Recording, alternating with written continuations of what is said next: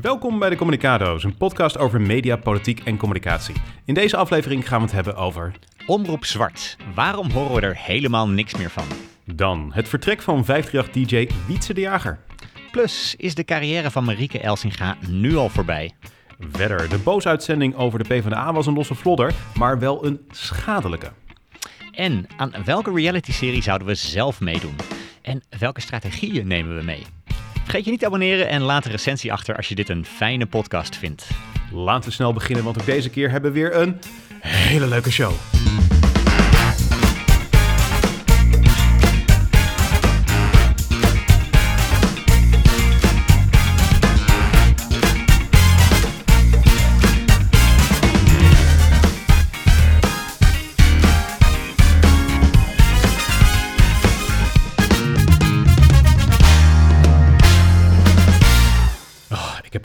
Zo'n goede Amerikaanse serie gekeken, of een aflevering van die serie.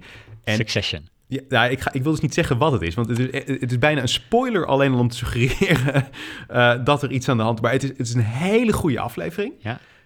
En het is ook zo'n mooie plot twist die eraan wordt gegeven. En ik kan er gewoon niet over praten, want ja, dat is gewoon een enorme spoiler voor mensen. Maar het is echt zo goed. Ik heb gewoon Ja. 28 minuten lang voor de buis gezeten en ik heb, volgens mij heb ik niet bewogen. Maar het is een serie waar net een nieuw seizoen van online is gekomen? Of, eh, ja, er zijn, veel mensen zijn aan het kijken inderdaad. Ja, klopt. Ja, ja. Maar je wil er niks over zeggen? Nee, maar dat, dat is dus lastig. Je kunt er niks over zeggen. Dat, ik, ik zou er echt urenlang over kunnen praten. Want ik heb er allerlei ideeën bij en theorieën. En, maar dat kan allemaal niet. Maar ik kijk geen Succession, dus Nee, mij kan je het wel vertellen. Ja, jou wel, ja. Maar zelfs bij jou heb ik zoiets van... ik wil, wil het jou niet vertellen... zodat je later die serie, eh, als het Succession is... ik zeg het er maar even bij... eh, als het Succession is, als, dan, dan wil ik hem, zou ik hem voor je willen bewaren. Maar ik, ik vind het wel... nee, namelijk een van de dingen van, van, van, van streaming... eh, het maakt televisie kijken nog eenzamer dan televisie kijken al was. Want als je bijvoorbeeld eh The Passion... om maar even een willekeurig voorbeeld Ja. eh, noemt... als je dat allemaal kijkt... dan kan je daar de volgende ochtend... bij de koffiezetautomaat eh, op het werk over napraten, zeg maar. Het is ergens een gezamenlijke beleving. Je kunt ook op Twitter met elkaar daar kijken als Twitter je ding is. Dus dat is ergens nog een gezamenlijke beleving. Maar streaming is iets wat het nog eenzamer maakt. Want je kunt er gewoon niet... En ik begrijp het, ik wil Ja. niet spoileren voor mensen... maar het maakt het gewoon nog eenzamer. Ja, het is een beetje als porno kijken. Ja, ja, ja, nee, ja dat, dat is een vergelijking die je daar... Ja, dat is, dat is ook eenzaam inderdaad. Ja, dat klopt. Ja, ja zeker. Ja, Nee, het het staat natuurlijk tegenover eh, sport. Want Ja. eh, sportmomenten, die beleef je met z'n allen. ja klopt. En dat, dat weet ik ook. Eh, ik bedoel, eh, zelfs als het Nederlands elftal hier eh, speelt, ik hoef de televisie niet aan te zetten. Want ik kan, kan aan het gejuich in de buurt kan ik wel horen of Nederland gescoord heeft Ja, of, of niet. Ja. Ik heb dan het vervelend dat ik vaak digitaal kijk via de app. En dat ik dan 10 seconden achterloop op mensen die wel via de televisie kijken. Heel irritant. Maar dat is inderdaad een gezamenlijke beleving. En Ja. dat heb je met eh, streaming niet. Nee, dat heb je totaal niet. Nee, dus echt, wat dat betreft is het anders inderdaad. Want inderdaad, sport, dat is eh, veel gezamenlijker. Het Songfestival en andere grote evenementen is dat natuurlijk ook inderdaad. Maar het is wel het verschil tussen inderdaad streaming en eh, lineaire televisie, ja. Maar goed, laten we het even over iets anders hebben. Want ik ben afgelopen week in Omroep Zwart gedoken. Wanneer is het laatste keer dat jij iets hebt gehoord over Omroep Zwart, Lars? Nou, heel, heel lang geleden. Ik kan me eigenlijk ook niet herinneren dat ik ooit iets gezien heb van nee, Omroep kan ik me Zwart. voorstellen, ja. Ja. Ja, dus misschien ben ik niet de doelgroep, hè, dat weet ik niet. Hè, maar ik kan, me geen, ik kan ook die, geen programma noemen, zeg maar. Ook een programma dat ik niet kijk. Nee, nee, nee dat, dat kan ik me ook inderdaad zeker voorstellen, ja. Ja, ja Omroep Zwart is eh, natuurlijk eh, begin eh, 2022 eh, toegetreden tot het eh, publieke bestel.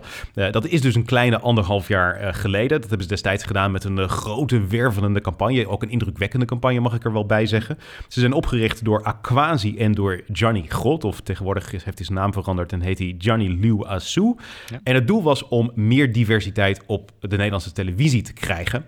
En ik had, net zoals jij, eigenlijk de indruk van... ik heb er niet zo verschrikkelijk veel over gehoord de afgelopen tijd. Wat ik wel ergens bijzonder vind, want als je gewoon gaat kijken naar de thema's van Omroep Zwart... ja, die waren echt heel erg veel in het nieuws het afgelopen eh, eh, jaar en de afgelopen Ja. half jaar. Slavernij, excuses. Ja, precies. Een heel goed voorbeeld daarvan natuurlijk. Eh, dat, dat, dat, dat, dat is iets wat voor Omroep Zwart iets heel groot zou moeten zijn. ja. Maar Black voor zover, ja. exact. Maar voor zover ik weet hebben ze daar echt helemaal niets mee gedaan. Oké, dus het verrast je eigenlijk dat je zo weinig hoort van uh, Omroep Zwart. Ja, exact. Ja, ik dacht van ik hoorde niks over. En uh, ik, ik ben het gewoon eens een keer een beetje in kaart uh, gaan brengen. Ik kwam ook een artikel tegen van mediaverslaggever Rolf-Jan Duin van het Parool. Die had eerder dit jaar ook een artikel over Omroep Zwart geschreven. Waar die ook constateerde dat er niet zo heel veel televisie werd gemaakt. Dus toen ben ik eens even gaan kijken hoeveel televisie wordt er dan precies gemaakt. Nou, ik heb de cijfers voor 2023, dit jaar dus, even op een rij gezet. Hoeveel uur televisie, Lars, denk jij dat Omroep Zwart heeft gemaakt dit half jaar? Uh, twee per week. Nou ja, dan zit je op nou ja, een kleine honderd. Misschien niet minder, maar... nou ja, ik kan je vertellen dat dat echt een, eh, een grote overschatting is. Nee, het is echt... Het verbaasde mij echt uh, toen ik tot deze conclusie kwam. dit, dit is echt iets wat je nauwelijks ziet bij publieke omroep in Nederland. Maar zij hebben de eerste paar maanden van 2023, dus alles tot nu toe, ja? nog nul uur televisie gemaakt. Ze zijn Niks. niet op de zenders NPO 1, NPO 2, NPO 3 te zien geweest met een programma. Jeetje. Dat is echt heel weinig. Dat is echt heel weinig, inderdaad. Ja. ja, ja. Gewoon niks. Nee, nee, echt nog helemaal niets. En uh, er wordt ook op dit moment geen programma van ze verwacht. Uh, ergens pas uh, rondom Katie Kotti, dus dat is eind juni, dat er het eerste programma in de aanloop naar Katie Kotti wordt uitgezonden van Omroep Zwart. Hm. en daarna, na Katie Kotti, ook nog eens een keer een programma. Dat is het enige wat op dit moment op stapel staat. Dus dat ja, betekent dat ze gewoon echt uh, de eerste helft van, van 2023 uh, letterlijk maar e-, één keer te zien zijn geweest op de publieke ja. omroep. En vorig jaar hebben, hebben ze wel meer gemaakt, las ik in het artikel van Rolf-Jan Duin, volgens ja, mij. Ja, ze hebben inderdaad ietsje meer gemaakt, maar om heel eerlijk te zijn, ook niet heel veel meer. Uh, ze hebben Podium Zwart gemaakt, dat is het eerste programma, een beetje het signature-programma van die uh, omroep, wat ook uh, ja, een stempel moet afgeven, wat, wat duidelijk kleur moet geven aan, aan wie ze zijn. Uh, dat is een muziekprogramma. Uh, ze hebben ook nog een uh, productie van de BBC aangekondigd, of aangekocht. Idris Elba's Fight School is dat. en ze hebben een educatief programma uitgezonden en een eenmalige docu over de Belmerramp. Als je dat allemaal bij elkaar optelt, is dat slechts 20 uur televisie ongeveer. Met andere woorden, je kunt alles van Omroep Zwart in één dag. Je moet een beetje weinig slapen, maar in principe kun je het in één dag allemaal bekijken. Het hele oeuvre van Omroep Zwart. En dat is dus inclusief die serie van de BBC die ze hebben gekocht. Ja, klopt ja. Ja, ja exact. En dat is nou, wat je zegt, een aangekondigde uh, productie. Dus dat is uh, natuurlijk ook wel echt iets anders dan een eigen productie. Maar dat is inderdaad echt heel, heel, heel erg weinig. En dat, ja, dat doet je natuurlijk wel een beetje twijfelen aan uh, de kwaliteiten van deze bestuurders. Want deze twee mensen die het op hebben gericht, dat zijn de twee directeuren, Aquasi en Gianni. En ja, kennelijk slagen ze er niet in om dingen op zender te krijgen. Even advocaat van de duivel. Zij zeggen nu waarschijnlijk van, uh, ja, ho ho, jullie zijn nu de kwantiteit aan het turven. Waar het daadwerkelijk om gaat is natuurlijk de kwaliteit van de producties. Misschien hebben we wel heel veel impact gemaakt met dat wat op televisie was. Ja, dat zou je kunnen zeggen, maar als je gewoon kijkt naar uh, hoe je, uh, als je, als je gaat kijken naar de impact, dan moet je natuurlijk ook gewoon kijken naar de kijkcijfers. En uh, nou ja, als ik die er dan even bij pak, de eerste aflevering van Podium Zwart, die heeft slechts 23.000 kijkers getrokken.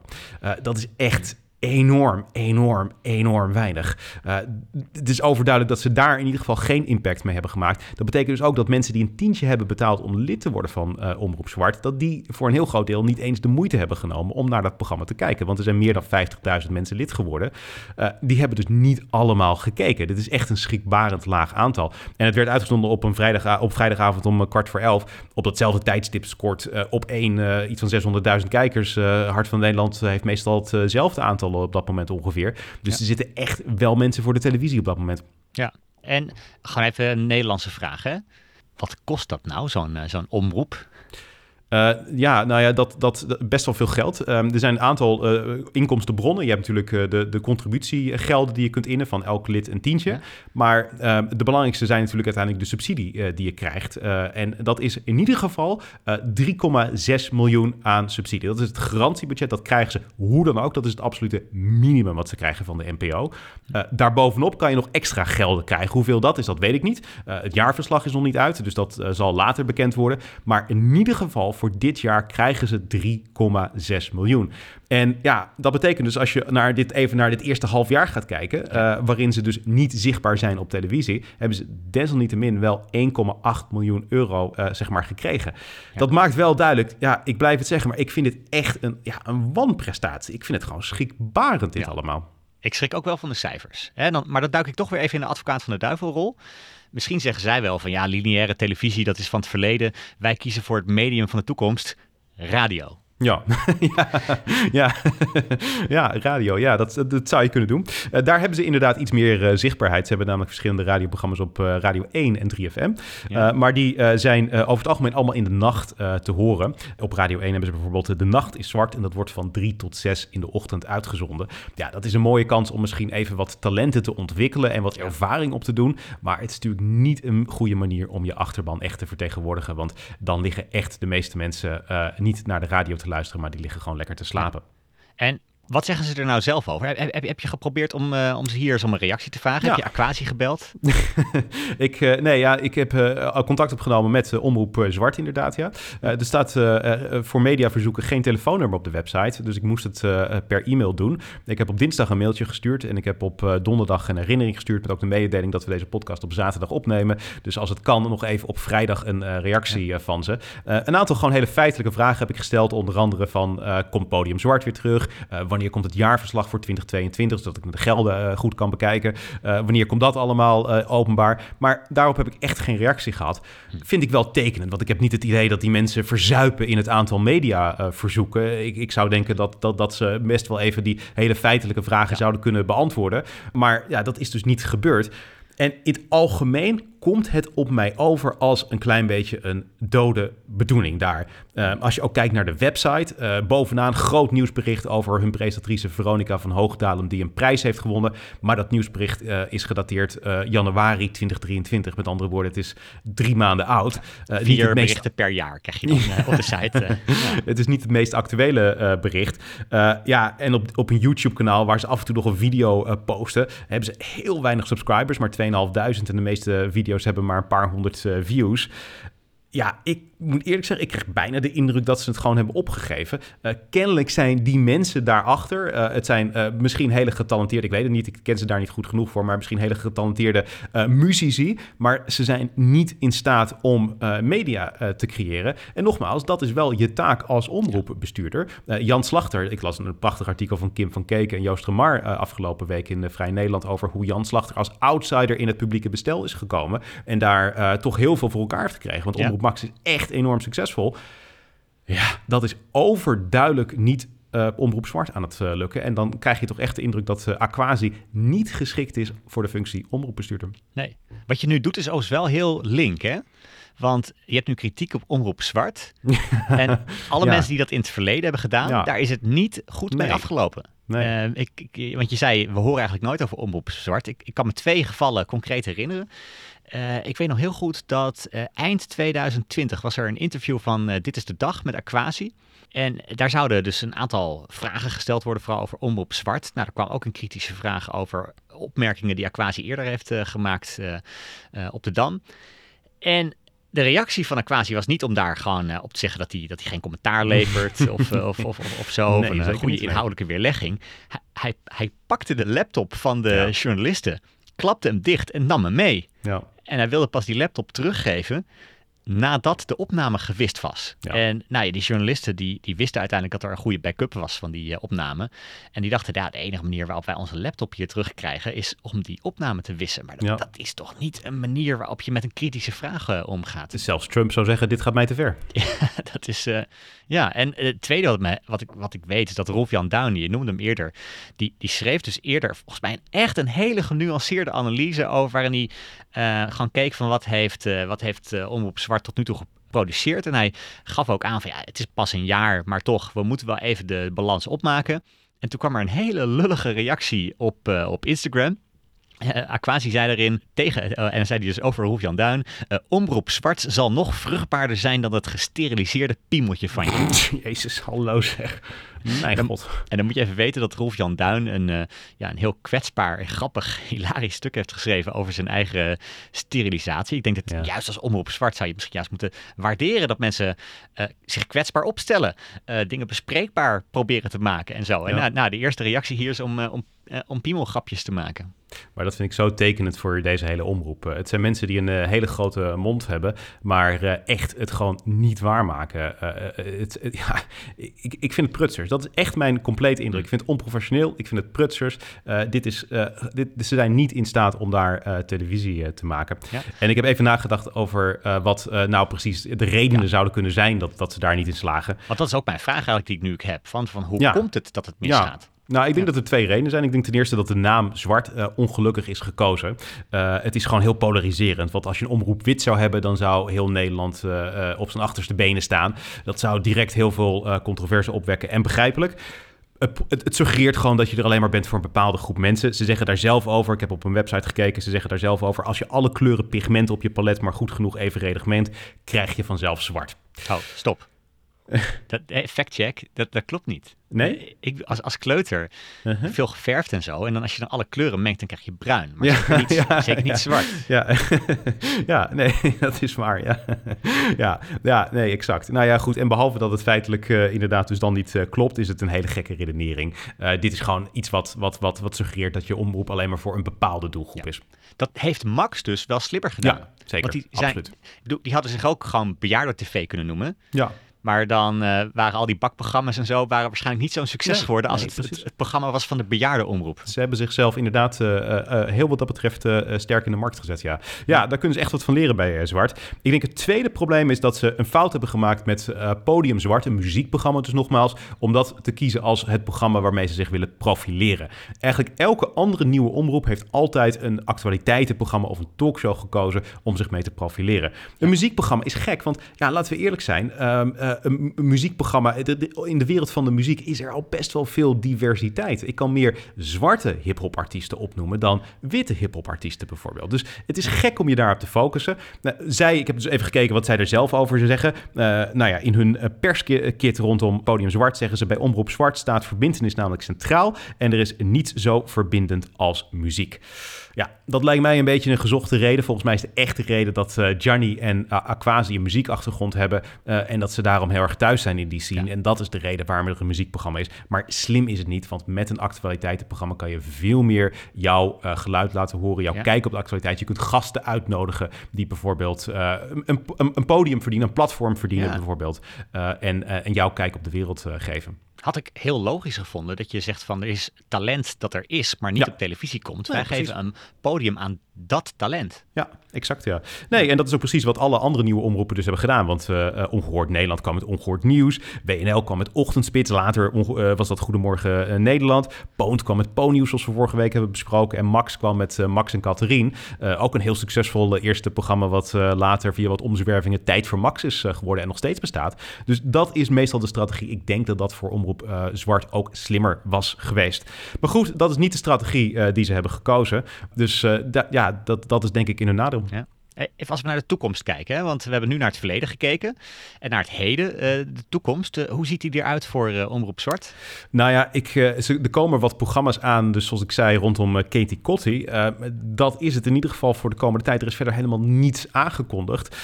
maar ja, in 2025 moeten ze wel 150.000 leden hebben. Dus dan is 50.000 niet meer genoeg. Dan is de grens ineens drie keer zo hoog ik zie dat gewoon niet gebeuren als je met, uh, met wat ze nu doen. Dus ik denk dat ze de koers daar echt radicaal moeten omgooien. Oké, we gaan het uh, zien. Uh, iets heel anders. Er zijn ook zenders, radiozenders, waar het roer radicaal wordt omgegooid. nou, zeg het wel. Wat een bruggetje is dit. Wietse de Jager. Ja, als een volleerd presentator, Lars. Ik vind het heel ja, goed. Hij vertrekt. compliment hiervoor. hij vertrekt bij 538. Ja, ja, dat maakte die bekend uh, live in de uitzending uh, afgelopen uh, woensdag. En Wietse de Jager, of zoals hij spottend werd genoemd door RTL Boulevard, Wietse de Klager, die begin, beging in echt een hele grote fout vorig jaar. Want hij zat er net nog maar een paar maanden toen hij ineens live op de radio acht minuten lang begon te klagen over de werkdruk. hij wilde liever een papa-dag, dus vier dagen werken in plaats van vijf dagen. Ja, dat is natuurlijk nat dan. Het is niet zo heel erg snugger van hem om dat te doen. Want ja, er zijn natuurlijk heel veel mensen die hebben ook een hele zware baan en die luisteren dat en die denken bij zichzelf: hey, jij hebt een fantastische baan uh, ja. als, als ochtend-DJ. En, en, en wij hebben, weet je wel, ik, ik, ik moet echt uh, lastig werk doen en jij zit een beetje te klagen. Dat, ja, daar zijn heel veel negatieve reacties op gekomen en dat uh, viel niet goed. Ik, dus, dus dat, dat, dat werkte echt tegen hem. Ja, nu we het toch erover hebben, ik vind het best zwaar om elke zaterdag deze podcast op te nemen. Dus misschien kunnen we dit ook gewoon even uitgebreid bespreken in deze podcast hier, uh, Victor. Echt, elke zaterdag. Zaterdag zou een vrije dag moeten zijn. En, en, we zitten hier een podcast te maken. Ja, ja, ja precies. Ja, nee, ja, goed. Uh, je mag straks acht minuten lang hierover klagen, Lars. Uh, Na afloop van de uitzending. maar er zijn twee dingen die mij eraan opvielen. En het eerste is dat hem een andere plek in de programmering is toegezegd. Dat gaf hij ook aan bij zijn afscheid Hm. En daar geloof ik echt helemaal niets van. Ik geloof niet dat dat uh, gaat uh, gebeuren. Misschien krijgt hij eventjes een ander tijdslot, maar ik denk dat zijn carrière echt bij Talpa ten einde is. En dat baseer ik op het feit dat hij bij uh, shownieuws natuurlijk van Talpa-zender SBS 6 ja. echt heel hard werd aangepakt. Talpa staat er niet om bekend dat ze de eigen mensen doorgaans heel erg hard aanpakken. Dus als dat wel gebeurt, geeft dat wel te denken. Wat is hier aan de hand? Nou, ik heb die uitzending er even uh, bijgepakt. En nogmaals, Wietse werkt dus nog voor Talpa. Gaat ook volgens de planning wel blijven werken voor, voor, voor Talpa. Maar ondanks dat uh, was Patty Bart negatief. Logisch dat hij eruit ligt. Dat gezeur de hele tijd, zei ze. Evert Santegoed voegde daaraan toe dat ze sloegen nog geen deuk in een pakje boter met die hele show. Frits Hoefnagel aan tafel zei gek dat iemand zit te klagen dat het vroeg op moet. Ronald Molendijk zei het is een spits die niet scoort. Nou, dat zijn al vier messen in de rug van Wietse de Jager. En toen kwam ook nog eens een keer Patty daar met een tweede opmerking bovenop. En die zei van ja, maar het is wel heel erg zielig voor Klaas. Dat is een sidekick. Uh, met andere woorden, hij heeft niet alleen uh, te veel zitten klagen en daarmee zijn eigen carrière om zeep geholpen. Ook die van zijn maat is om zeep geholpen. Met andere ja. woorden, Wietse is echt een slecht persoon opmerkelijk dat daar geen enkele nuance in zit. En ik zou denken, aangezien ze toch wel dus plannen hebben met hem in de toekomst, dat er dan iemand zou zeggen van, ja, maar hij is wel uh, straks voor de vierde keer vader en uh, dat hij een goede vader wil zijn voor zijn vier kinderen, is misschien prijzenswaardig. Weet je, dat iemand dat geluid nog liet horen, maar vijf minuten lang is er echt alleen maar ingehakt op uh, Wietse. En dat zegt wel dat, ja, dat er iets aan de hand is. Ik geloof best dat al die mensen die daar aan tafel zaten bij Shownieuws echt denken. Ik denk ja. dat dat op zich iets is wat ze bij Boulevard ook vinden. Maar er zijn heel veel dingen die ze denken die ze niet zeggen. Precies, precies. Exact, exact. En normaal gesproken moet je, bij Talpa moet je altijd als je daar werkt, moet je heel goed aanvoelen van kan ik dit wel zeggen of moet ik dit misschien maar iets meer inkleden met nuances en dergelijke. Um, en het feit dat zij denken dat ze de vrijheid hebben om dit te zeggen, geeft wat mij betreft aan dat, ze, dat het duidelijk is dat uh, John geen enkel vertrouwen, John de Mol geen enkel vertrouwen heeft meer in Wietse. En als John geen vertrouwen heeft in Wietse als ochtend-DJ, ja. dan zie ik ook niet hoe die verder een carrière kan hebben bij Talpa. Ik denk dat hij er verstandig aan doet om te kijken buiten Talpa voor de verdere carrière. Uh, want uh, misschien krijgt hij een tijdslot nu uh, op 538 op een ander moment. Maar ik kan me niet voorstellen dat dat heel erg lang gaat duren. ze hebben er ook wel belang ja. bij op dit moment om hem een klein beetje tevreden te houden, zodat hij niet boos weggaat. dus ik denk dat dat er meer ja. sprake van is. Ik geloof niet dat ze echt geïnteresseerd zijn in zijn toekomst. Ja, ik vind het wel een aardig inkijkje hoor. Dat je, dat je, wat je hier eigenlijk dus zegt is, je hoeft niet te vragen wat John de Mol vindt. Want als je maar vaak genoeg naar shownieuws kijkt en je kijkt hoe nou, het hele panel over bepaalde mensen spreekt, zeker als het gaat om mensen die in de stal zitten van John de Mol, dan weet je eigenlijk ook wel hoe John de Mol kijkt. Want als John de Mol echt grote plannen zou hebben met iemand, dan zou hij ergens wel een redacteur gebeld hebben van hey, uh, uh, tune down a little bit uh, als het gaat om die persoon. En niet alleen shownieuws, want het is ook bij Vandaag in Site dat dat soort dingen gebeuren. De, absoluut. Maar je, je, hebt, vroeger had je van die Kremlin-watchers, mensen die elke minutieuze beweging in het Kremlin analyseerden om te kijken wat kunnen we er van, van, van, van ja. uit concluderen. Uh, en dat, dat, datzelfde kan je bij Talpa zeggen. Uh, je, je, probeert alle signalen een klein beetje op te pakken om daar, en daar een interpretatie aan te geven. Ja, uh, ja dus dat, dat is nou het geval, ja. Je zet nu wel John de Mol een soort van Poetin weg. Maar... Nee. ja, ja, nee, maar goed, je begrijpt wat ik bedoel natuurlijk. Het, is, het is wat dat betreft okay. een, een, beetje opmerkelijk. Maar ja. Er was een tweede reden, want jij, je zei er, dit is de eerste, ja. de tweede. Nou, de, de tweede is dat ik wel heel erg... wat één interessant ding, Wietse wordt dus opgevolgd door Tim Klein. Uh, heb jij wel eens naar Radio 538 geluisterd, Lars? Uh, toen ik uh, op, op de middelbare school zat. Ja. Ik weet nog heel goed de, de vierde, vijfde, zesde klas. Ja. Um, als ik dan tentamens had, dan, dan stond 538 s'avonds wel aan, ja. Weet je nog wie toen de tijd de ochtend-dj was? Nee, nee ik, luister, ik was geen ochtendmens. dus nee, okay, ik luisterde okay. s'avonds. Ja, nou dat was dus Tim Klein met de Morning Jam. En. Tim Klein is ook de opvolger van Wietse de Jager. Dus degene die het toen de tijd, voordat Evers kwam, Edwin Evers, die het toen presenteerde, is ook degene die het nu weer gaat presenteren. Interessant feitje, en dat volgens mij heel veelzeggend is. Want wat het eigenlijk gewoon betekent, is dat uh, 538 de pretentie heeft opgegeven dat ze een jongere zender zijn. Dat is het jarenlang natuurlijk geweest. En vroeger, toen, toen, toen jij en ik nog op de middelbare school waren, waren ze een soort van zender voor mensen met scooters. Ja. Dat is al een tijdje niet meer gewoon. Het is al wat breder geworden, ook omdat radio luisteren uh, minder gedaan wordt door echte jongeren die zitten op streamingsdiensten. Ja. Ze zijn nu voor mensen met auto's. ja, ja, ja, precies. En straks maar, voor mensen met rollators. Ja, dat, uh... ja, ja, ja, nou precies. Ze, ze, ze, staan die zender gewoon toe om mee te groeien met het publiek. En vroeger werd er wel krampachtig vastgehouden aan het idee dat ze nog wel een wat jongere doelgroep, in ieder geval 40 min, dat was een kerndoelgroep, ja. uh, dat, dat ze die nog wilden aanspreken. Dat idee lijkt te worden losgelaten hiermee. En dat is eigenlijk ook iets wat ze hebben gedaan met Veronica. Veronica was vroeger een jongere merk, hè? dus dat was hip en happening, daar wilde je zijn. Ja. Maar tegenwoordig is Veronica een merk voor mensen die kalend zijn. Je hebt echt een fascinatie met de haar, volgens mij. Eh, Victor. Nou, valt wel mee, maar dit is toch zo? Het is gewoon een oude mannenzender geworden. Ja, ja, ja, ik, ik, ja, ik luister groeit niet mee. Veronica. Dus het, ja, uh, nee, ja. Ik, ik ook niet zo vaak, maar dat komt dus omdat het een zender is voor mensen die wat ouder zijn uh, dan ik dat uh, ben. Maar het, het groeit gewoon mee. En dat, dat zijn dus altijd de, de twee dingen die je kunt doen. Of je kunt uh, innoveren en, en, je, en, zeg maar die, die, die doelgroep, steeds proberen die jongere doelgroep aan te spreken. Of je kunt accepteren dat dat gewoon niet meer lukt en meegroeien met het huidige publiek wat je hebt. Minder innovatie en dus wat meer de vertrouwde uh, geluiden laten horen. En Tim Klein is wat dat betreft echt een 538 uh, geluid. Iemand die daar heel lang verbonden aan is geweest, die zender. Oké. Nou, ik ben benieuwd hoe dat zich uh, ontwikkelt. Mag Ja. ik jou een kijktip geven? Ja, zeker. Doe het absoluut, ja. Ja, Eh, Dat heeft alles te maken met uh, grensoverschrijdend gedrag. ja want- en dit, dit gaat ongetwijfeld geen highbrow kijktips zijn. Ik denk dat we nu een, een heel plat programma van jou gaan horen, toch Lars? Nou, er was deze week dus een programma, Boos heet dat. eh. ja, daar gaan we het straks over hebben. Gaan we het straks over hebben. Eh, nee, iets heel anders. Ik, ik denk niet dat jij het eh, normaal gesproken zou, zou kijken. Want eh nou, grensoverschrijdend gedrag, dat komt tegenwoordig meer op televisie. Maar je merkt Ja. in praktijk dat het heel lastig is om dat goed in, in, in beeld te brengen. Om te zorgen dat je echt meeleeft met het verhaal van, van, de, van, van de verteller. En ook gewoon snapt hoe dat proces in praktijk gegaan is. Hè? Dat, dat, een, dat een ingewikkeld fenomeen gewoon heel begrijpelijk wordt uitgelegd. En Ja. op dit moment is er een serie, ehm, eh, die heet Dansen voor je leven. Bij de publieke omroep wordt die eh, uitgezonden. En de tweede aflevering ging over een eh, balletdanser. Uh-huh. Julien Keulen heet hij. Die Uh-huh. staat centraal in deze aflevering. En ja, je volgt hem eigenlijk vanaf het begin van zijn opleiding tot eh, nee, waar hij op een gegeven moment ook prijzen wint. De, Ja. de, de Prix de Lausanne. Hij is een geweldige balletdanser. Werd ook Mhm. thuis op de bank bevestigd door mijn vriendin Milena. Die, Ja, die ook ja, eh, zelf- aan ballet doet. een ballet doet, dus die kan het wel inschatten. Hij ging op zijn zeventiende naar Zweden, tot zover alles goed. Ehm, Mhm. En toen kreeg hij op, op zijn twintigste kreeg hij ineens een, eh, een berichtje van de ballet master. Dat, is- dat is iemand die dan eh, jou helpt om een betere danser te worden, maar ook helpt om het, de stukken in te studeren, maar soms Ja. ook bepaalt welke stukken jij mag dansen. Uh-huh. En die probeert hem te versieren. Oké. En die deed dat eerst via Facebook. En vervolgens begon hij hem eh, ehm, ook een keertje aan te raken. En toen heeft hij een klacht ingediend. En vanaf het moment dat hij die klacht indiende, ging het helemaal mis.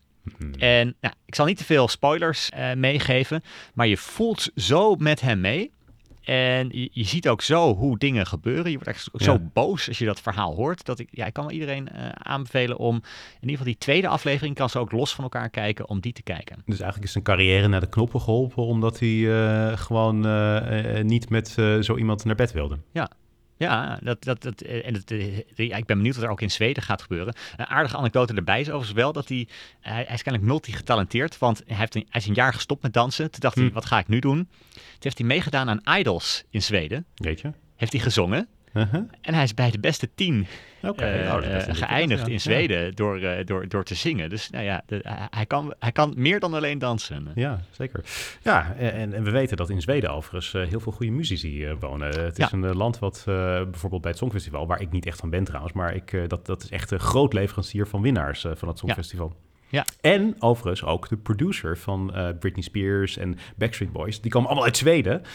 Eh, omdat eh, Zweden gewoon heel goed zijn in het maken van muziek om een of andere reden. Ja, ze kunnen Ja. niet dansen, maar ze kunnen wel muziek maken. Dat, eh, Zeker. Overigens nog één ding, want we hadden het vorige week over het nieuwe logo van RTL 4. Ik heb Ja. het idee dat de uitrol van dat nieuwe logo echt desastreus is verlopen voor RTL 4.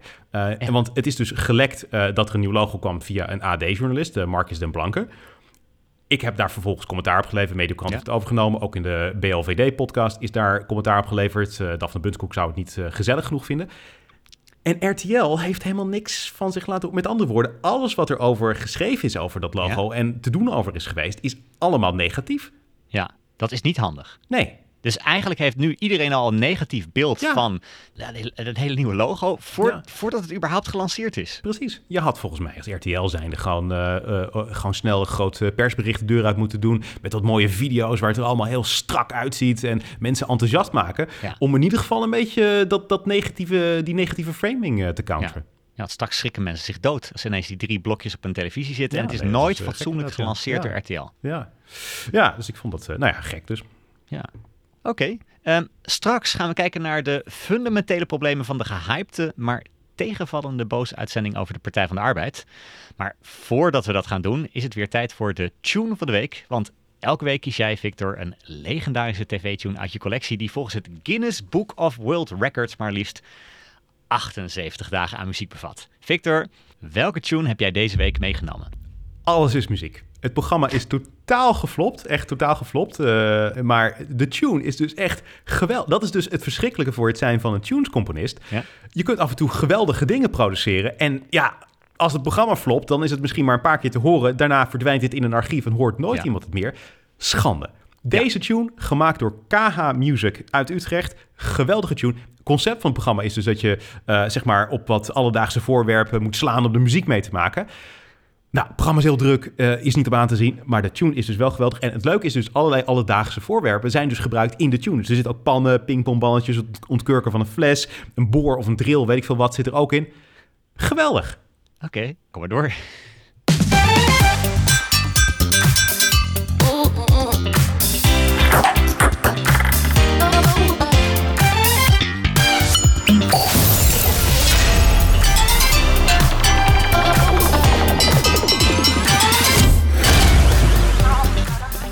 Vind wel heel druk hoor, eh, Victor. Tuurlijk, hij is lekker druk. Er zit lekker wat eh, energie in. Ja, dat is heerlijk. Maar goed, KH Music heeft ook de muziek gemaakt voor Radio 1, eh, Hart van Nederland, eh, Renze. Dus dat wat dat betreft zijn hele grote tunesmakers. Ze hebben ontzettend veel dingen gedaan. Marieke Elsinga presenteert het programma. Johan Derksen zei... De carrière van Marieke Elsinga die is voorbij. Eh, laat ik daar echt heel duidelijk over zijn. Absoluut niet. Iedereen heeft wel eens een flop gehad. Eh, Dat kan gebeuren. Zelfs Johan Derksen heeft een flop gehad. Ik, ik wil ze niet eh, herinneren aan de VI-meestervoorspellers. Maar dat was zowat een van de meest desastreuze programma's die uitgezonden is in de geschiedenis van SBS 6. En ook hij, zij hebben dat goed overleefd. Dus ik denk dat we ons daar geen zorgen hoeven te maken. Maar Eén tip voor iedereen, ik zal hem ook in de show notes zetten. Marieke Elsinga in 2015, toen ze nog totaal onbekend was, zelfs voor haar RTL Late Night tijdperk, heeft een serie gemaakt voor haar toenmalige werkgever Q Music. Dat heet Marieke komt even spieken, waarbij zij in het huis komt kijken van de grote DJ's van Q Music. Ja.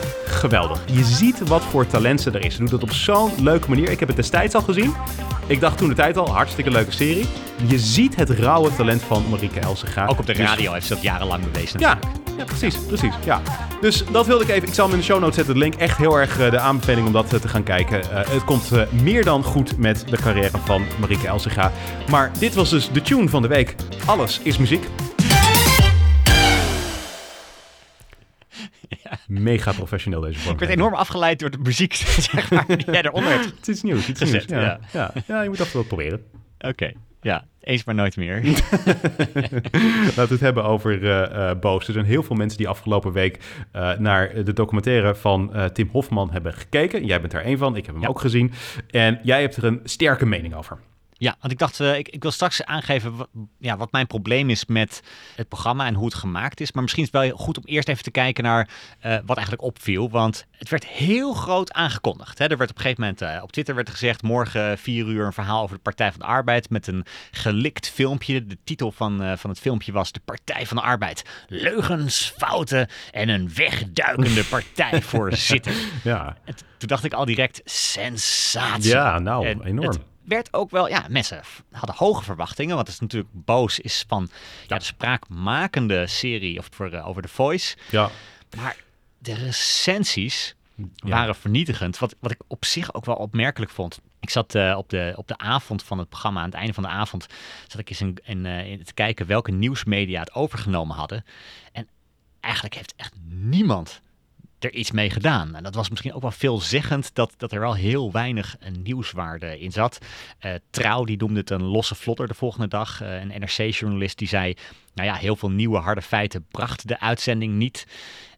Ik, het leek me een klassiek voorbeeld van ja, overpromise, underdeliver. Ja, en ik, ik heb wel zoiets bij Tim Hofman. Hij verdient natuurlijk heel veel credit voor, voor die aflevering over The Voice. Want daarmee heeft hij echt een bierput opengetrokken waar je u tegen zegt. Dus uh, wat dat betreft uh, heeft hij nog steeds heel veel credit bij mij. Maar het viel mij ook inderdaad uh, tegen.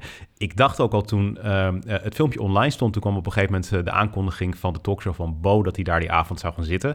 Nou, toen dacht ik al bij mezelf, oei, dit is mogelijk een zeepert. Want op het moment dat het echt een groot ding was geweest, dan had hij niet bij Bo gezeten. Maar dan had hij natuurlijk gewoon bij de BNN-Vara talkshow gezeten, Galita Sophie. Want uh, hij is werkzaam bij BNN-Vara. Dan ja. uh, gaan ze dat echt niet toestaan dat hij daarmee naar een andere talkshow op een ander net uh, gaat. Dus dat is wel interessant dit. Dus je kan eigenlijk aan de aankondigingen op, op Twitter en elders van de talkshows kan je eigenlijk al zien als een programma heel erg tegen gaat vallen. Ja, ik denk op dit, uh, dit geval uh, kon je dat inderdaad uh, daar al zien, ja. ja. ja. Maar ik, ben, ja, ik zat ook te kijken, want jij had net die, had die recensies aan. ik moet je eerlijk zeggen dat ik het ook echt niet zo sterk vond. En ik vond het, het, het, het, grootste probleem, ik vind het gewoon echt heel moeilijk om te volgen. En dat vond ik ook bij die tweede aflevering over The Voice, toen het vooral ging over die twee mensen die bij, nou ja, die voor John de Mol werkten. Ja je, je, moet bijna een soort van aantekeningenblokje erbij houden om het allemaal gewoon goed te kunnen begrijpen.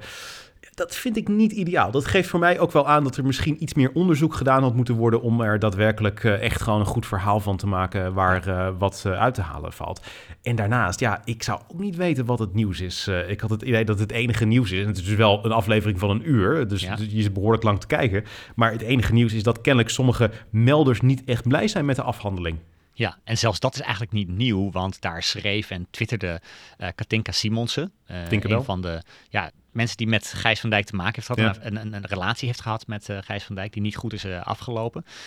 dat, dat maakt deze situatie misschien ook anders dan bijvoorbeeld de The Voice. Want daar had ik echt het gevoel van, hier heb je mensen die geen stem hebben en dat door het programma gekregen hebben. Ja. ja. hier had je natuurlijk juist misschien een, een situatie waar uh, de slachtoffers een grotere stem hadden in het maatschappelijk debat dan Gijs van Dijk. Ja, ja precies. Ja. Ja. Nee, helemaal mee eens, ja. Ja, wat, wat mij opviel, hè, want ik wil eigenlijk kijken naar de, de manier waarop het gemaakt is, dat, dat er ook in de promotie en de, het, het optreden van Bo een paar dingen zaten die voor mij toch een wat slinkse manier zijn van journalistiek bedrijven. En daar, daar wil ik eigenlijk op inzoomen. Van wat, wat gebeurde er eigenlijk rondom dat programma? Ja, want hij heeft wel natuurlijk het imago dat hij zo'n halve Jezus Christus is.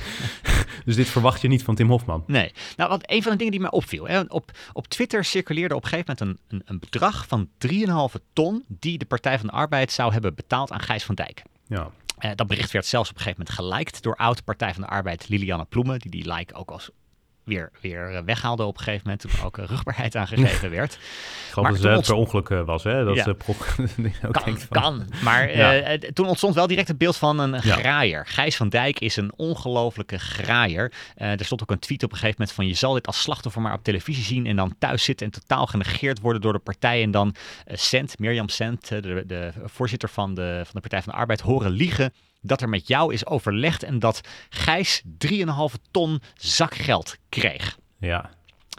En ook op een gegeven moment bij, bij Bo zat uh, Tim Hofman aan tafel. En belangrijk hierbij om te weten is dat in het programma Bo zelf werd die 3,5 ton niet genoemd. Maar in de hele bespreking op de socials ging het ineens over die 3,5 ton. En ook bij Bo werden er in één keer allemaal vragen gesteld over dat geldbedrag. En daar wil ik even een, uh, twee fragmentjes van laten horen. En, en dat noemt Gijs uh, in onze uitzending, een regeling, een geldbedrag, uh, een x aantal euro's wat hij meegekregen heeft. En dat geldbedrag dat gaat alle kanten op, dat weten we niet zeker. Maar wat wij horen is, is een fors geldbedrag. Ja, een fors geldbedrag. Hè? En ja. het bleef maar daarover gaan. Ook in een, een tweede fragment uh, ging het opnieuw over dat geld. En, en, en hoeveel geld gaat dat dan over? Ik kan het niet zeggen. Oké, okay. dus er is een regeling getroffen. Ben je er nog achter gekomen? Ja, we, ja ik kan, we hebben, we hebben een, een, een bedrag dat ontkent, Gijs, maar dat hebben we uh, twee keer gehoord. Uh, maar dat ga ik hier niet zeggen, want dat vind ik. Maar als ik het dan zo hoor, dan is, het jou zo, dan is ik, dus heel veel geld. Ik, uh, de, ik, ja, nou, het, het, het, gaat om heel veel geld, ja. kennelijk. Dat wordt ook echt een beetje, nou, het, ja, het wordt echt groot gemaakt van, ja, dit is echt wel een heel groot bedrag. Maar ik, ik ga niet wel. zeggen wat het is. Nee, maar ik, ik snap wel waarom het groot is inderdaad. Want het is natuurlijk niet alleen dat Gijs van Dijk zichzelf heeft verrijkt hierdoor, maar dat de Partij van de Arbeid dat kennelijk ook betaald heeft aan hem. Ja. Dus je, je bent direct boos op zowel uh, Gijs als de Partij van de Arbeid. Ja, En uh, ik, ik, ben er even um, ingedoken van, maar waar komt het dan precies vandaan? En misschien eerst even HP De Tijdjournalist uh, Ton F. van Dijk, die volgens mij ook echt goede contacten heeft met Gijs van Dijk, blijkt uit zijn eerdere verslaggeving ook wel. Die heeft gecheckt wat er nou klopt van dat verhaal. En hij zegt in zijn artikel, en dat onderbouwt hij ook wel, dat nou, daar zou ongeveer een, een kleine 100.000 euro aan advocatenkosten uh, over gemaakt zijn. Uitsluitend op de voorwaarde dat hij gespecificeerde facturen aan de Partij van de Arbeid zou overleggen. En er is een outplacement budget van 30.000 euro overeengekomen waarmee hij een bureau kan inhuren dat hem weer aan werk helpt. En ja, daar schrik ik niet van. Ik kom regelmatig heel veel hogere transitievergoedingen tegen. Dus dat er 30.000 beschikbaar is om een outplacement bureau te kunnen betalen, dat viel me wel mee. En ik ben geneigd dit te geloven, want nou ja, uh, Ton F. van Dijk, die, die kan dat ook wel heel specifiek onderbouwen. En ja, uh, Tim Hofman die zegt hooguit van ja, ik, ik wil eigenlijk het precieze bedrag niet noemen, maar twee mensen hebben het gezegd. Ja, precies. Dat, vind ik niet zo'n heel uh, sterk verhaal. En toen dacht ik ook, maar waar komt dan dat bedrag van die 3,5 ton vandaan? Want dat vond ik interessant. Het fascineerde me. Waarom mensen uh, daarover hadden, bedoel je? Van, ja, van waar, en, waarom ineens dat specifieke bedrag uh, de reden was dat er zoveel discussie was? Ja, en ik ben erachter gekomen. onder het YouTube-filmpje van, van Boos staan twee links. Eén naar mm -hmm. de journalistieke verantwoording mm -hmm. en één naar het hoor en wederhoor. En daar staat de hele correspondentie met Gijs van Dijk. Ja, ja. En in die correspondentie, als je doorklikt, staat letterlijk een vraag die gesteld wordt aan Gijs van Dijk. We horen tevens via ingewijden dat 3,5 uh, of 350.000 euro richting jou onderdeel is van deze deal. Klopt dat bedrag? Gijs van Dijk ontkent dit. Ja. Daarom zit het dus ook niet in het programma. En ze konden het kennelijk ook niet hard maken. Maar dan moet je het bedrag dus niet onder het YouTube-filmpje publiceren. Want ja. dit is gewoon het, het witwassen van onbevestigde geruchten. Precies. Dus eigenlijk in het kader van transparantie bieden... hebben ze hiermee informatie naar buiten gebracht... die toch nog heel erg schadelijk uh, ja. zou kunnen zijn voor Als, als iets niet hard genoeg is om naar buiten te brengen... dan moet je dus niet een hele correspondentie naar buiten brengen... waarin nee. jij als programmamaker die 3,5 ton naar buiten brengt. Nee, precies. Want je zou het ook natuurlijk kunnen doortrekken naar even een wat extremer voorbeeld. Maar ja. uh, stel dat ik jou uh, zou vragen van... Uh, goh, Lars, heb jij nog pedofiele activiteiten ondernomen de afgelopen tijd? En, en jij zegt daarop nee, hoe kom je erbij? En jij wordt ja. gewoon boos daarover en ontkent het in alle toonaarden. en dan zet ik dat in dat... gegarandeerd. Ja, precies. Als ik dat in het transcript online zet, is dat inderdaad... Lars Duursma ontkent inderdaad puntje, puntje, puntje. Ik, ik praat heel snel verder, want ik krijg niks met deze het is een discussie te maken. Sorry. Ja, nee, je hebt gelijk. Ik had een veel subtieler voorbeeld. Hè. In de politiek is het, is, is, is, het grapje wel eens van... u hoort mij niet zeggen dat mijn politieke tegenstander alcoholist is. Ja, ja, dat zou ik ook nooit doen. Nee. nee. Nou, dan doe je het stiekem ja. dus wel. En ik dacht, ja, maar dit, dit vind ik toch wel uh, interessant. Want je, je kan dus, als dit een trend wordt... dat je gewoon die hele correspondentie over de hoor en wederhoor online plaatst... Ja, dan kan je dus op alle mogelijke manieren kan je geruchten de wereld in, in helpen zonder dat je er zelf verantwoordelijkheid voor neemt. Dus ja. Nou ja, ik, had er, ik had het best kunnen begrijpen als je zegt van wij zetten de reactie van Gijs van Dijk online. Daar kiest hij zelf voor om die te mailen. Nou, dat je die reactie integraal online zet, prima. Maar als jij al jouw factcheck vragen ook online zet, inclusief allemaal dingen die je zelf dus niet hard kan maken, ja, dan ben je gewoon echt geruchten aan het witwassen. Ja, precies, ja. Dus daar had ik een probleem mee. Toen ja. ik in, door die lijst uh, liep, dacht ik ook wel, er zaten ook andere vragen in. Hè. Dus bijvoorbeeld vraag 10 was van ontvang je op dit moment nog wachtgeld? En toen dacht ik, ja, hou hmm. even mensen. We hebben het hier over grensoverschrijdend gedrag. De manier waarop de Partij van de Arbeid daarmee om is gegaan. Who cares? Als Gijs van Dijk van de Tweede Kamer, hè, als oud Tweede Kamerlid, nog wachtgeld krijgt. Hè. Dat, dus het is een beetje vissen eigenlijk. Uh, ja, fishing expedition wordt het genoemd ja, in Amerika. Hè, dat je probeert maar ergens iets, uh, iets te vinden, omdat je eigenlijk ja, niet heel specifiek weet waar je het over wil hebben. Nee, precies ja. Ja, uh, ja nee, dat kan ik me voorstellen. Ja, dat is niet echt de manier waarop het moet. En ook bij dat Bo-optreden vielen me ook echt andere manieren op van echt journalistieke slordigheid. Want uh, als je het hebt over de, de oorspronkelijke sanctie van de Partij van de Arbeid tegen Gijs van Dijk, die zijn keihard van tafel geveegd door de Partij van de Arbeid beroepscommissie. Want uh, die, die bleven niet overeind. En daarover zei Tim Hofman bij Bo, uh, dat komt door procedurefouten, dus vormfouten, geen inhoudelijke fouten. En denk ik, ho even dat is niet helemaal zo. Hè? Dat, dat, dat Gijs van Dijk in het gelijk werd gesteld door de beroepscommissie, was omdat er fundamentele rechtsbeginselen waren geschonden. Eh, niet omdat de Partij van de Arbeid zijn geboortedatum verkeerd op het formulier had vermeld of zo. Hè. Dat, Nee. dat is een vormfout. Hè. Dus dat, dat vind ik wel echt heel wat anders dan eh, Wat- een rechtsbeginsel dat geschonden Wat zijn dan de rechtsbeginselen die geschonden zijn? Weten we dat? Ja, nou, dat, dat werd wel aangegeven. Hè. Dus om te beginnen heeft de Partij van de Arbeid nooit duidelijk kunnen maken dat het gedrag invloed had op het politieke functioneren van eh Gijs van Dijk. Nou, dat, dat is wel een voorwaarde voor een Ja. politieke sanctie natuurlijk. Zeker. Voorafgaand aan de voorgenomen berisping heeft hij geen mogelijkheid gehad tot wederhoor. Dus hij kon ook niet reageren op het voorgenomen besluit van de, van de Partij van de Arbeid.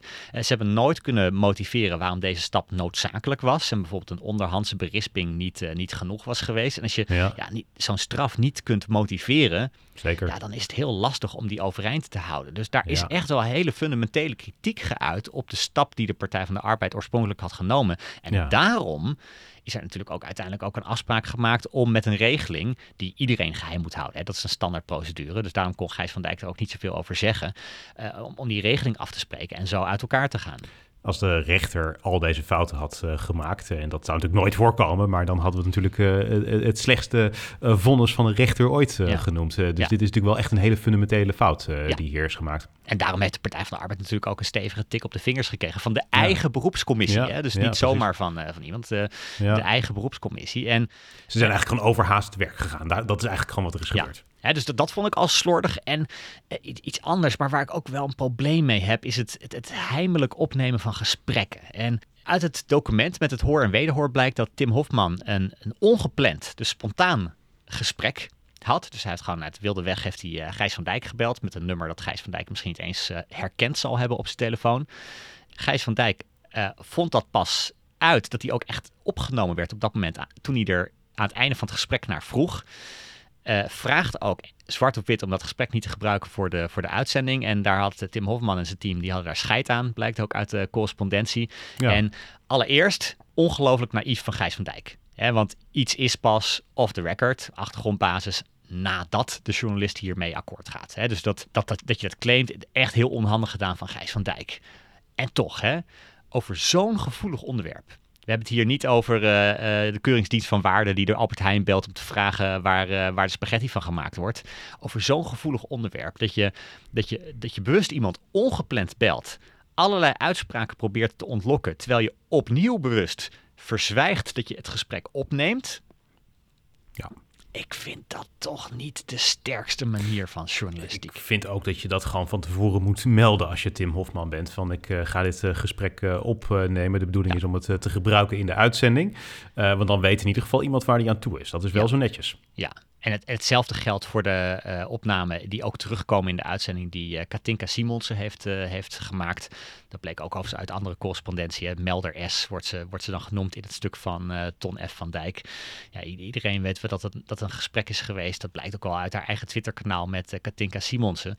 Daar worden uitspraken van Partij van de Arbeid Esther Mirjam Sent worden echt op woordniveau geanalyseerd. En dan denk ik toch ook even hè, van als je gewoon een gesprek hebt met iemand dan formuleer je niet alles heel zorgvuldig. Zeker niet als je met iemand spreekt die heel emotioneel is, die je gerust wil stellen, die je wil troosten. Dan zeg je soms ook dingen waarvan je denkt, dit helpt jou ook gewoon Ja. om, om je beter te voelen, denk ik. Hè? Dus, dus dan formuleer je dingen soms ook anders dan wanneer je alles zorgvuldig op papier zet, media optreden, eh, zorgvuldig gepland en zo. En als je dus als journalist probeert om tegenstrijdigheden te zoeken in dit soort heimelijk opgenomen gesprekken, Ja. Dan ga je overal wel Zeker. tegenstrijdigheden vinden, denk Ja. ik. Hè? Dus dat, dat vind ik ook opnieuw dat ik denk van ja, Ja. dan maak je het jezelf wel heel makkelijk om, om, om iets te vinden. Ja, ik vind, ook dit vind ik weer heel erg de indruk wekken van... ik ben op zoek naar een schandaal en ik probeer alles aan te grijpen om eh, maar iets eh, te vinden... zodat ik eh, hier een mooie video over kan maken Ja. die impact heeft. Ja, en ik vraag me overigens ook af wat het effect hiervan gaat zijn. Hè? Want kijk, in heel veel organisaties, als er dan iets speelt, dan, dan willen mensen niet meer praten met, eh, met de melder of met het slachtoffer. Want dan zeggen ze nee, dat wordt nu onderzocht en we mogen niks meer doen. En dan gaan ze ineens heel formeel maken. En we mogen alleen praten als er iemand van HR bij zit of, eh, of, of, of wat dan ook. Ik, ik snap wel dat, dat in dit geval dus ehm, ja, eh, de, de voorzitter van de Partij van de Arbeid juist wel contact heeft gehouden met, met de slachtoffers. En ik vraag me dus af, hè, als, als, als je dit soort gesprekken gaat opnemen en dit soort, eh, en niet alleen zelf opneemt voor jezelf om het terug te luisteren, maar het ook vervolgens in dit soort programma's gaat uitzenden, is het effect uiteindelijk niet dat mensen niet meer ook met eh, slachtoffers durven te praten, of in ieder geval heel afstandelijk gaan doen ineens, uit angst dat er dit soort opnamen gemaakt worden. En ik, ik hoor zelf van heel veel slachtoffers van wij voelen ons eenzaam, niet gehoord. Ehm, er is niemand die zijn arm om ons heen slaat en, eh, en, eh, en, en ons verhaal hoort. Ja, ik denk dan wel, kijk wel uit met het heimelijk opnemen van, de, van dit soort gesprekken. Want je kan wel eens voor toekomstige slachtoffers juist een situatie eh, bereiken die, die voor hen uiteindelijk veel slechter uitpakt. Hè? Waar Ja. mensen niet meer gewoon dit soort gesprekken durven te voeren. En ook gewoon zeggen van, nou, bespreek dat maar met de onderzoeker of met de Ja. advocaat. Of dat je dan zo'n eh, koude advocaat tegenover je hebt die zegt... eh, ik, ik hoor wat u zegt.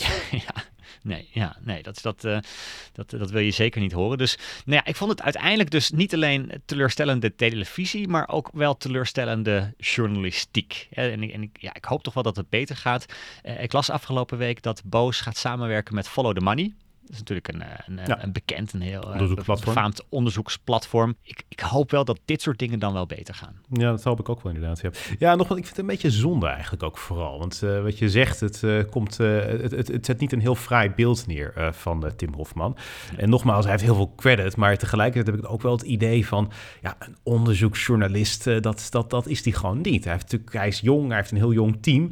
Ik heb het idee dat er ook gewoon ervaring en kennis over het vak ontbreekt bij dat team. Eh, ook omdat de lat natuurlijk nu hoger ligt dankzij de Voice. Ja, Heel zeker. eerlijk, als de Voice er niet was geweest, dan hadden we misschien wel heel anders naar dit programma gekeken. Maar ja, dat, Ja. hij heeft de lat natuurlijk voor zichzelf heel hoog gelegd. Ja, dan wordt het wel lastig om, je, om, om, om daar ja, aan je eigen criteria te voldoen. En ik kan me ook voorstellen dat hij druk voelt om eh, weer met zoiets eh, te komen natuurlijk. Eh, want het heeft eh, nou ja, heel veel impact eh, gemaakt. Dus dan eh, wil je dat eh, graag eh, overtreffen. Maar ja, ik weet niet of dat hier nou op zo'n eh, goede manier gebeurt. Eh, Nee. eh, dus wat dat betreft eh, interessant om daar naar te kijken kijken. Oké, dan is het weer tijd voor Vraag het Fik en Lars, de rubriek waarin we elke week één vraag van een luisteraar beantwoorden. In deze onzekere tijden zijn we jouw bron van wijsheid gratis en voor niks. Je kunt ons een vraag stellen door een mailtje te sturen naar vraaghetfikenlars.gmail.com. Dat mag een vraag zijn om advies, om onze mening of iets persoonlijks en zelfs impertinents. De vraag van deze week komt van Eva. Zij schrijft, beste Victor en Lars, als trouwe luisteraar vraag ik me af, zouden jullie ooit aan een reality show deelnemen? En zo ja, welke show zouden jullie dan kiezen? Ik ben benieuwd of jullie je communicatie- en marketingervaring zouden inzetten om strategisch te werk te gaan en een voorsprong te krijgen in de competitie. Ik kijk uit naar jullie gedachten hierover in de volgende aflevering van de podcast. Dankjewel, Eva. Ja, Ja. dankjewel Nee. voor deze vraag. Jij bent wel Mr. Reality-series hier in deze podcast. Nee, nee, dat valt mee. Dat valt mee. Ik kijk helemaal niet zo om dat soort eh, dingen. Nee, nee, nee. waar, waar, zou jij aan meedoen?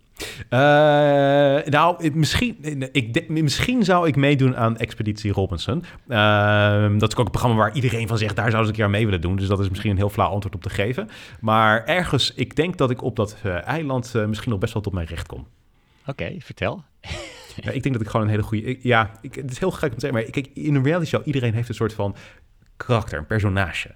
Ik denk dat ik gewoon een hele goede schurk zou kunnen zijn. Ik denk dat ik het gewoon... Ik zie mezelf al praten in de camera, weet je wel. Dan heb je af en toe van die momenten dat je in de camera een interview geeft over wat er allemaal gebeurt, met van commentaar te voorzien. Ik weet al hoe ik mijn wenkbrauw kan optrekken en, het, en, het, en, en de, de, de stomme dingen van anderen kan becommentariëren.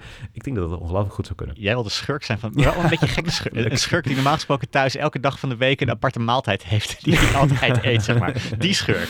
Die schurk, ja. Nee, maar dat lijkt me wel leuk. Ja. Jij? Oké, ja. Ja, ik, ja, nee, nee, absoluut nooit. Nee? Nee, ik, ik denk ook overigens dat ik niet een leuke deelnemer zou zijn. Dus, dus lo- los van het feit dat je mij niet een vuurtje moet maken op het strand of een konijn moet laten vangen bij expe- Expeditie Ik Robinson. zou het wel willen zien, eerlijk gezegd. Ik denk dat jij dat totaal niet lukt. ik Nee, dus ik zou denk ik dat het ook best niet, leuk eh. Het zou nee, zo'n dat mislukking zijn. zou ik ook niet willen doen, maar ik, ik denk dat ik me te bewust zou zijn van de camera's. Hmm, ja, Dat- dat- Ik, ja, ik weet het niet. Ik denk dat het ook wel weggaat hoor. Want als je op een gegeven moment eh, eh, ben je er zo aan gewend geraakt. Ja, weet ik niet. Ja. Maar als ik dan gewoon in een gekke droom in zo'n reality-programma zou zitten en ik zou het Mhm. goed willen doen, eh, hetgene wat ik in ieder geval zou doen is proberen onvoorspelbaar te zijn. Ja, Dat is wel echt volgens mij de les. ja, Dat je je mag best een schurk of een karakter zijn, ja. maar je moet wel een onvoorspelbare schurk Ja, zijn in het programma. En dat Ja. is de les van Trump volgens mij ook hè, bij de Apprentice, dat hij in het begin te voorspelbaar was. En op een gegeven moment vertelde zijn productieteam tegen hem van je, je, je moet gewoon verrassende dingen gaan doen. En het werd het programma veel leuker. Dus ja. maar hoe, eh, maak het eens even concreet. Stel, je zit op dat eiland, Expeditie Robinson. Hoe zou jij, eh, wat, wat zou je voor onvoorspelbare dingen doen? ik, zou, ik zou me afvragen wat iedereen verwacht dat ik ga doen. Uh-huh. En dan bewust het precies het tegenovergestelde doen. Ja, ja, precies. dus, dus als iedereen denkt, dit, dit gaat Lars waarschijnlijk doen hier, ja, dat, dat dan doen. Of, of nee, ik, ik, heb ook, ik heb ook wel een talent om, dat heb ik met name in, eh, toen ik vroeger heel veel debatteerde, heb ik dat, eh, Uh-huh. heb ik dat ontwikkeld. Eh, een bijzonder talent om anderen het, het, het bloed onder de nagels vandaan te halen. ja dat, dat Als ik dat wil. goed. Ja, Ja, nou, ja, niet alleen meestal dat wil, het niet, maar als ik het echt wil. nee. En, dus men- mensen, dus mijn talent zou misschien bij zo'n programma vooral zijn om, om mensen het bloed onder de nagels vandaan te halen en dan Ja. de vermoorde onschuld te spelen.